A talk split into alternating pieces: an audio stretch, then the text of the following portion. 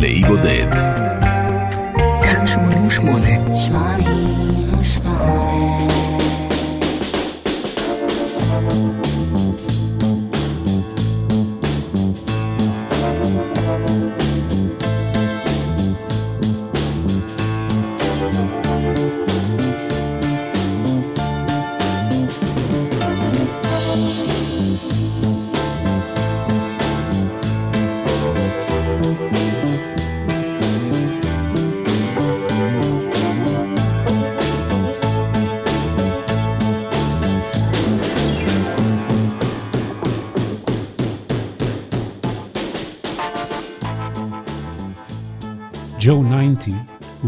של סדרת מדע בדיוני שהוקרנה בטלוויזיה הבריטית בסוף שנות ה-60. בסדרה זו, הגיבור הוא תלמיד בית ספר בן תשע בשם ג'ו מקליין, שהופך למרגל לאחר שאביו המאמץ ממציא מכשיר המסוגל לתעד ידע ומומחיות ולהעביר אותם למוח אנושי אחר. חמוש במיומנות של המוחות האקדמיים והצבאיים המובילים בעולם, ג'ו 90 מגויס על ידי רשת מודיעין עולמית כסוכן המיוחד ביותר שלה. מדובר בסדרת אנימציה שבה בובות מגלמות את תפקיד האנשים. איך הסיפור הזה מתקשר לאי הבודד שלנו? או, אז אני אגיד לכם. הבובה של ג'ו 90 הייתה דומה דמיון מפתיע לדמותו של דיוויד ג'קסון. דמיון כל כך מפתיע עד שהוא החליט לשנות את שמו באופן רשמי בתעודת הזהות מדייוויד ג'קסון לג'ו ג'קסון, על שם ג'ו 90. זה קרה כשהוא היה בן 20. על כן, אנחנו נקרא לו מעתה, ולאורך כל המסע שלנו לאי בודד, בשם ג'ו ג'קסון. כלי הנגינה הראשון שעליו הוא למד לנגן היה כינור, אבל חיש מהר הוא עשה הסבה לפסנתר. הוא החל לנגן בפסנתר בברים בגיל 16, הוא זכה במלגה ללימודי הלחנה מוזיקלית באקדמיה המלכותית למוזיקה בלונדון. מבחינה סגנונית, הוא נדד בין פופ, ג'אז ומוזיקה קלאסית. הוציא 20 מריחי נגן בכל הסגנונות האלה. בין השאר, הוא הקליט אלבום שלם של שירים חדשים בשם Big World, בהופעה חיה מול קהל, כשהקהל קיבל הנחיה להיות בשקט, כדי שלא ישמעו אותו במהלך ההופעה וההקלטה. זה היה אלבום כפול, אבל המוזיקה השתרעה רק על פני שלושה צדדים, והצד הרביעי של התקליט היה צד שקט. אני בחרתי בשעה הקרובה להוביל אתכם נאמנה אל המחוזות של האלבום החמישי והמצליח ביותר של ג'ו ג'קסון. זה נקרא Night and Day. השנה היא 1982, באותה השנה האלבום הזה היכה גלים. בואו נראה איזה רושם הוא עושה עלינו כיום. אני מנחם גרנית ואני מאחל לכולנו הפלגה נעימה.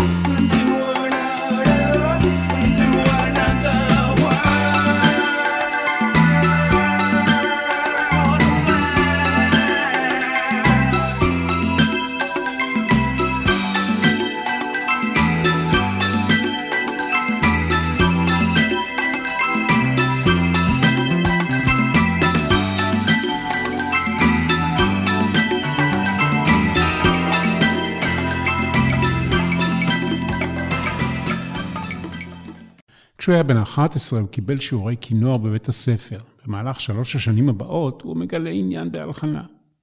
הוא שכנע את הוריו לקנות לו פסנתר, והוא לימד את עצמו לחבר בעצמו מילים ומנגינות מקוריות. אחר כך, כאמור, באו שלוש שנים של לימודי מוזיקה, פסנתר, כלי הקשה, הלחנה ותזמור באקדמיה המלכותית למוזיקה בלונדון. בשנים שלפני ההצלחה, הוא ניגן בלהקות קאברים שונות, כולל הופעות בבסיסי חיל הים והצבא, בפאבים מקומיים ובדיסקוטקים. חוץ מזה, הוא היה חבר בתזמורת הג'אז הלאומית לנוער, ושם הוא ניגן בפסנתר ובוויברפון. עד להקלטת האלבום שלפנינו, Night and Day, הוא עבר, אם כן, מדורים רבים. הרבה שפשוף וניסיון, הצלחות קטנות וכישלונות צורבים. Night and Day הוקלט באולפן בלו רוק בסוהו בניו יורק. לאחר שהוא סיים להקליט את האלבום, הוא החליט להפוך את ניו יורק לביתו החדש. בריטניה מולדתו לא התרשמה. האלבום הזה, המצליח ביותר שלו, שראה אור ביוני 1982 וטיפס עד למקום הרביעי בארצות הברית, לא הצליח בתחילה במולדת הבריטית. מקום רביעי בארצות הברית ו-44 בבריטניה. לא רחוק מרוב הסוהו בניו יורק יש את צ'יינאטאון.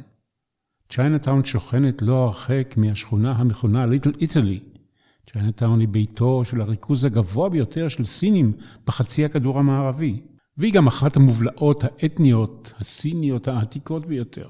אבל למה שנכביר מילים? בואו ניתן לג'ו ג'קסון לשיר על צ'יינאטאון.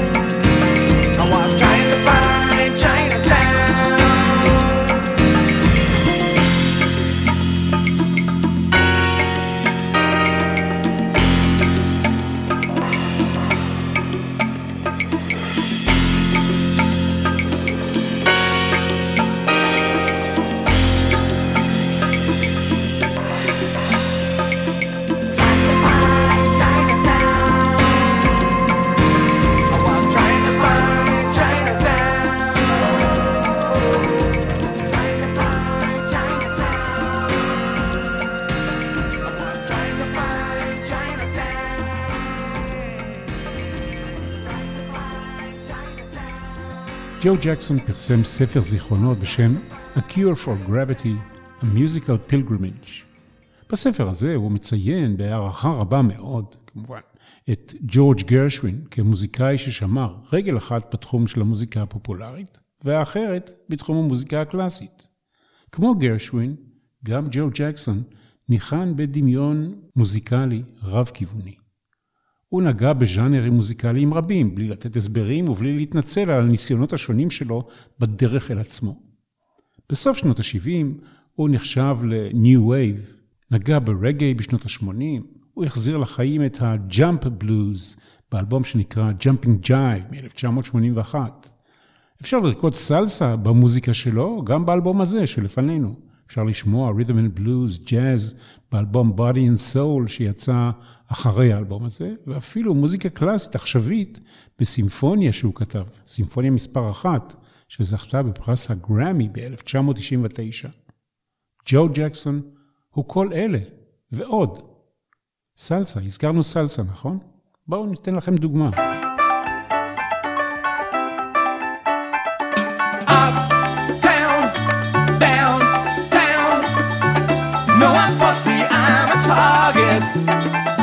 Black, white, day, night. No one's fussy, I'm a target. Somebody say I'm crazy, walking in this neighborhood. Say you can't be too careful,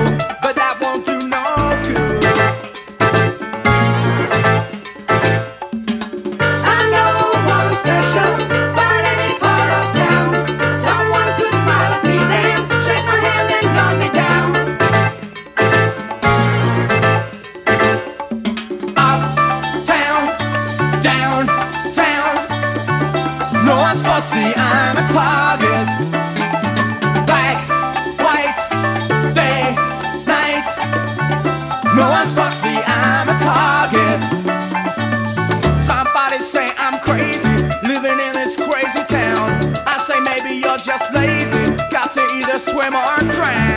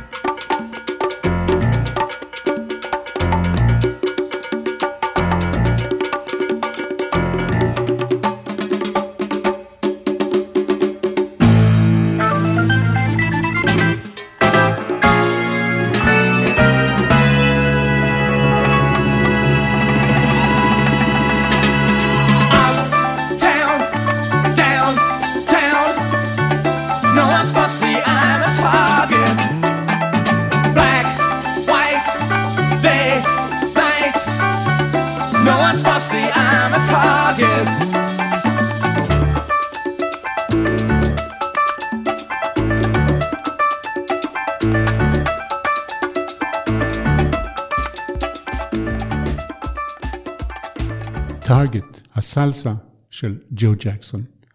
ג'ו ג'קסון כאמור כתב והקליט את האלבום הזה, Night and Day, בניו יורק. שם האלבום, Night and Day, כשמו של השיר הידוע של קול פורטר, שנכתב בשנת 1932, 50 שנה לפני שהאלבום הזה ראה אור. הנה תזכורת קצרה, ברשותכם, טוני בנט הוותיק, יחד עם ליידי גאגה, בשיר Night and Day של קול פורטר.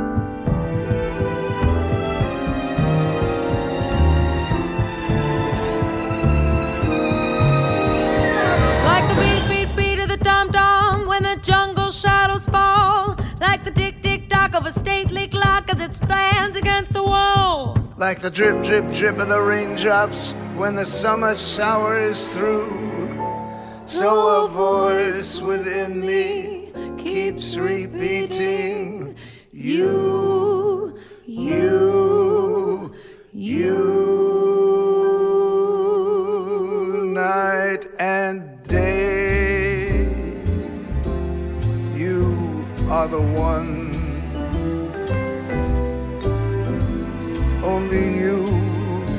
beneath the moon and under the sun. Whether near to me or far, it's no matter, darling, where you are. I think of you night and day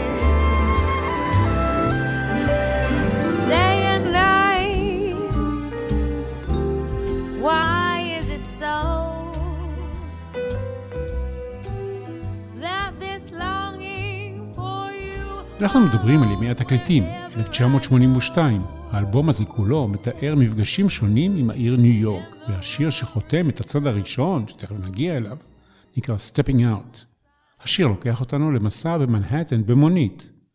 הוא עוסק בציפייה ובהתרגשות של בילוי לילי בעיר ניו יורק. כל הרצועות באלבום הזה מתחברות זו לזו, שיר אחרי שיר, כאין יצירה אחת ארוכה. אני מקווה שאתם סולחים לי שאני מפריד ביניהם לטובת הסיפורים.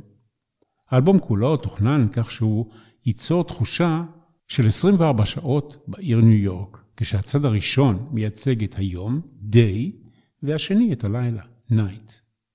Stepping out.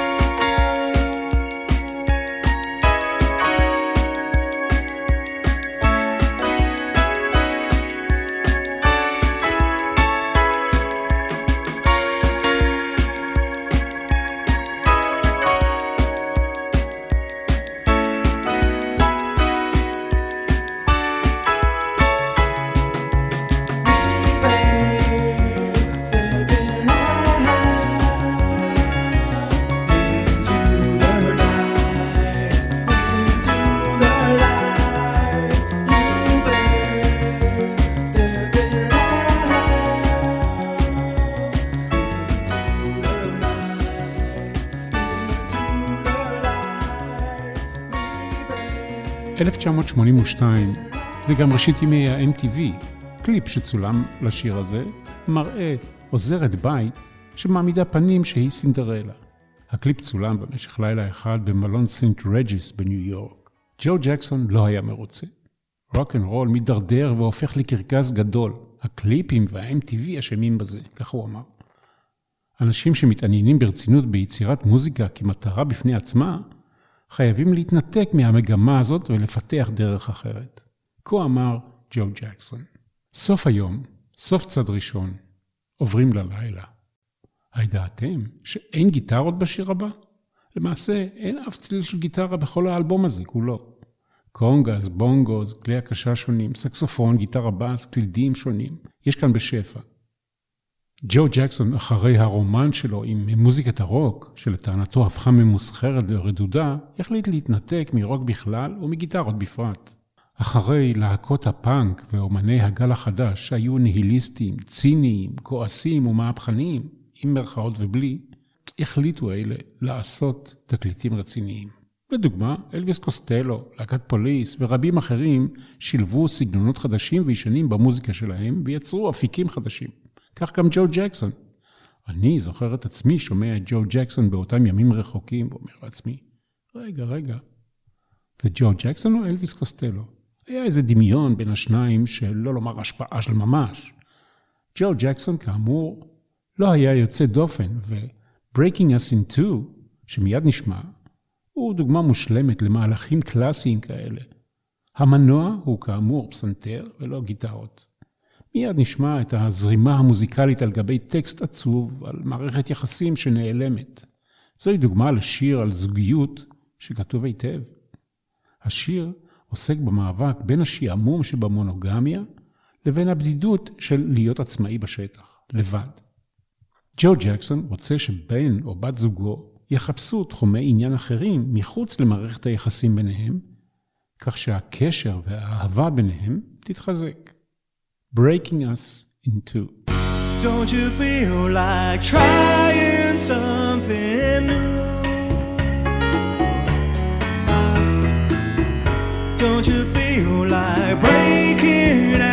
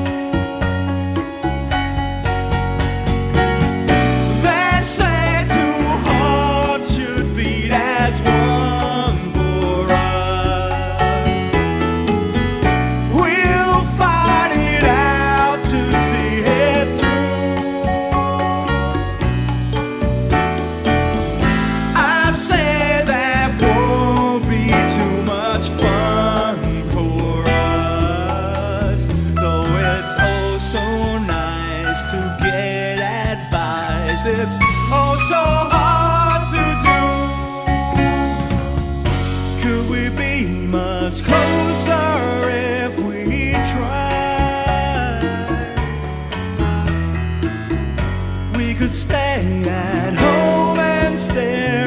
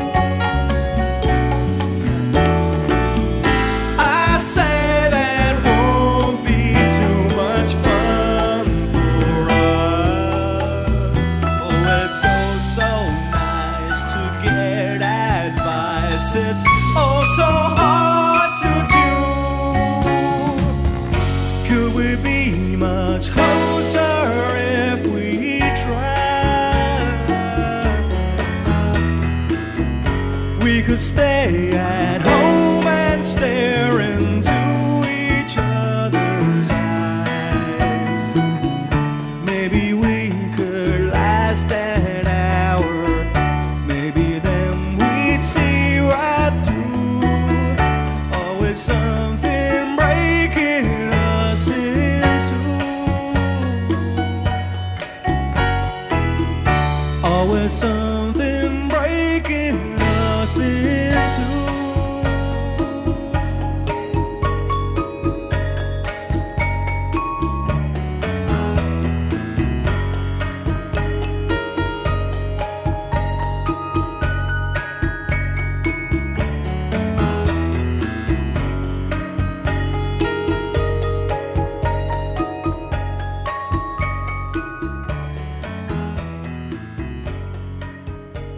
ג'ו ג'קסון פעל באופן נחוש נגד חוקים האוסרים עישון במקומות ציבוריים.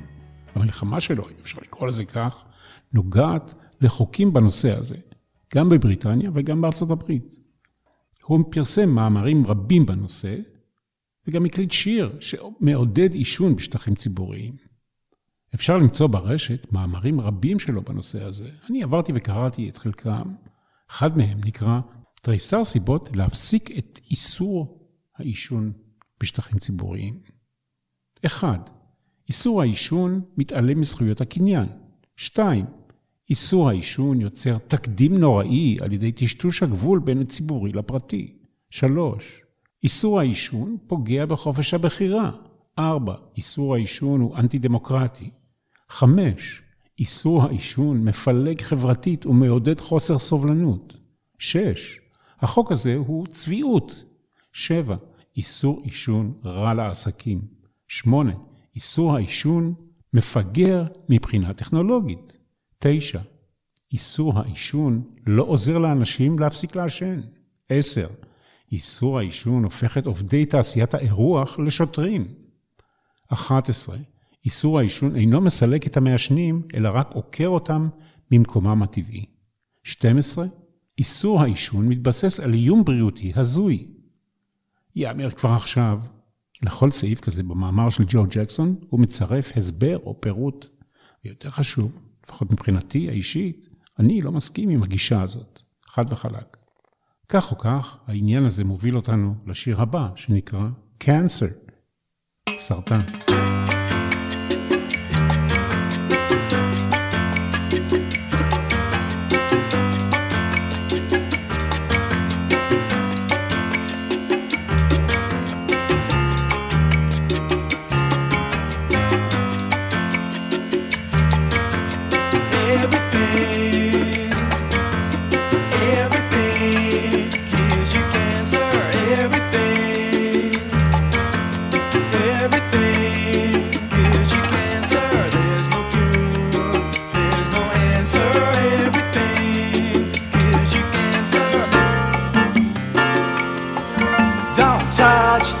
在。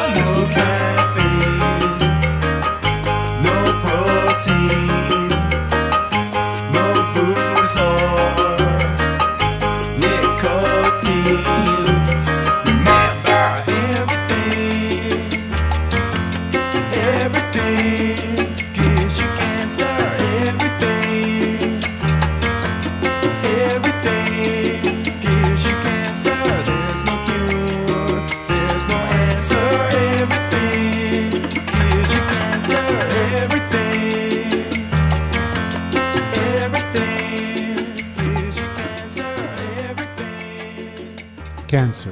רוב מה שאתה שומע בתקשורת על מה שטוב ורע עבורך הוא שטויות, או במילותיו שלו, בולשיט. אני לגמרי משוכנע בזה, כך ג'ו ג'קסון.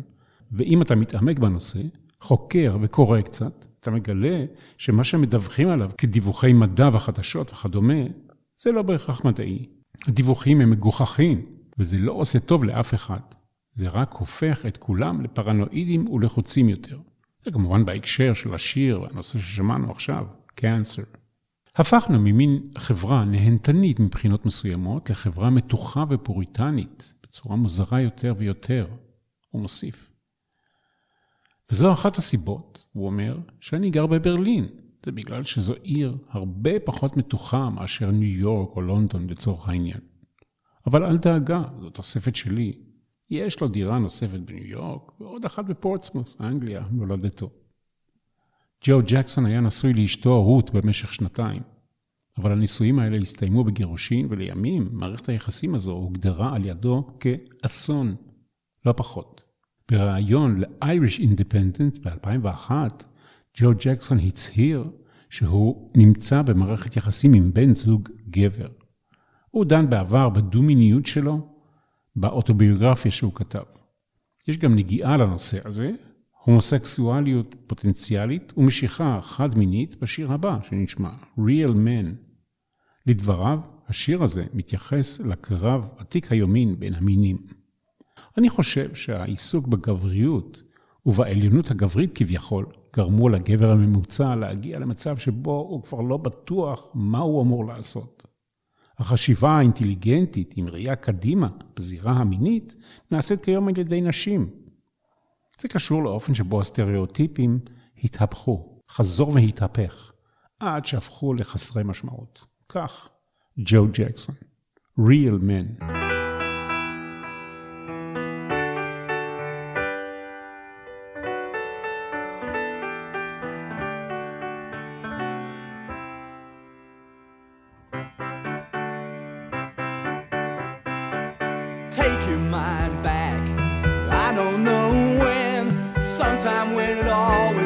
Be just us and them. Girls that wore pink, boys that wore blue, boys that always grew out better men than me and you.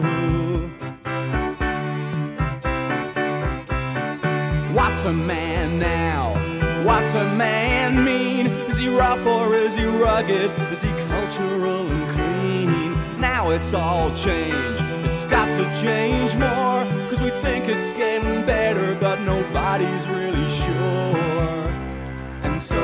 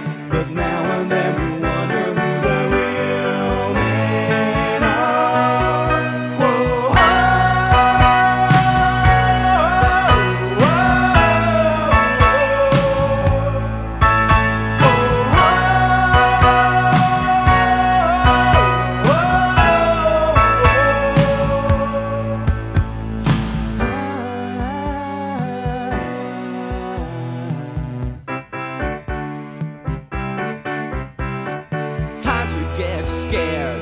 Time to change plan. Don't know how to treat a lady. Don't know how to be a man. Time to admit what you call defeat. Cause there's women running past you now and you just drag your feet.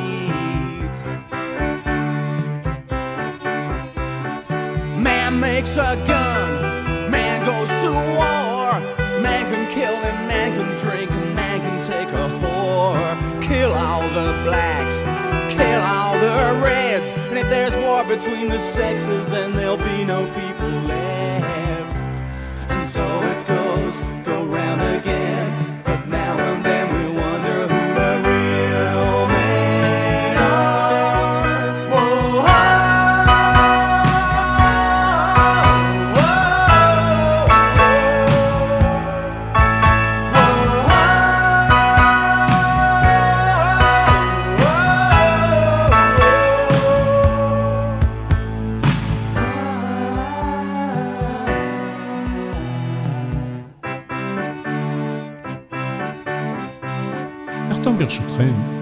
בתמצית של מאמר שג'ו ג'קסון פרסם תחת הכותרת למה מוזיקת פופ צריכה להיות מרדנית. אם אתה חושב שפופ ורוק מיועדת לצעירים בלבד ושזקנים צריכים להתרחק ממנו, אתה פשוט לא חובב מוזיקה, כך הוא אומר. מוזיקה צריכה להיות מרדנית, לא חדשנית, והיא צריכה לייצג את תרבות הנוער ולא את זו המבוגרת. האם הרעיון הזה לא קצת מיושן? שואל ג'ו ג'קסון. לרבים מחבריי, הוא מוסיף, יש כיום ילדים, בני נוער או בני עשרים ומשהו, וגם הם, וגם ההורים, נהנים מאותה המוזיקה. מה רע בזה? במקרים מסוימים, ההורים עדיין עוקבים בשקיקה אחר סצנת המוזיקה העכשווית, בעוד שאת הילדים שלהם זה ממש לא מעניין. במקרים אחרים, הילדים אוהבים לחפור ולגלות את תרבות הרטרו של התקליטים של ההורים שלהם. עידן התקליטים של שנות ה-70 וכדומה. כלומר, אין ממש כללים שונים למבוגרים לעומת הצעירים. מובן שעבור אנשים מסוימים, מוזיקה היא עדיין כולה נוסטלגיה, ערגה לזמן ומקום מסוימים. עבור אחרים, ולא בהכרח צעירים, זה עדיין מתקשר עם מרד ועם נעורים. ולבסוף, מדוע יש נטייה לקשר בין גיל לבין ירידה בריגוש? להיות מבוגר או להיות אבא לא הופך אותך בהכרח לטיפוס משעמם. יש הרבה צעירים שהם טיפוסים משעממים. מה שמציל אותם זה העובדה שהם צעירים. להיות מבוגר פירושו גם להיות בעל ידע וניסיון. לדעת למשל, מתי להקה חדשה עם הייפ היא בעצם ממחזרת משהו שראית ושמעת כבר לפני 20 או 30 שנה. ברור שמצבים כאלה חוזרים על עצמם והם בלתי נמנעים. והנה, לסיום, מצאתי נקודת השקה עם ג'ו ג'קסון. ובנימה אופטימית זו, אני אסיים. עד כאן, Night and Day עם ג'ו ג'קסון. אני מנחם גרנית, מקווה שנהנתם. כל טוב. A slow song.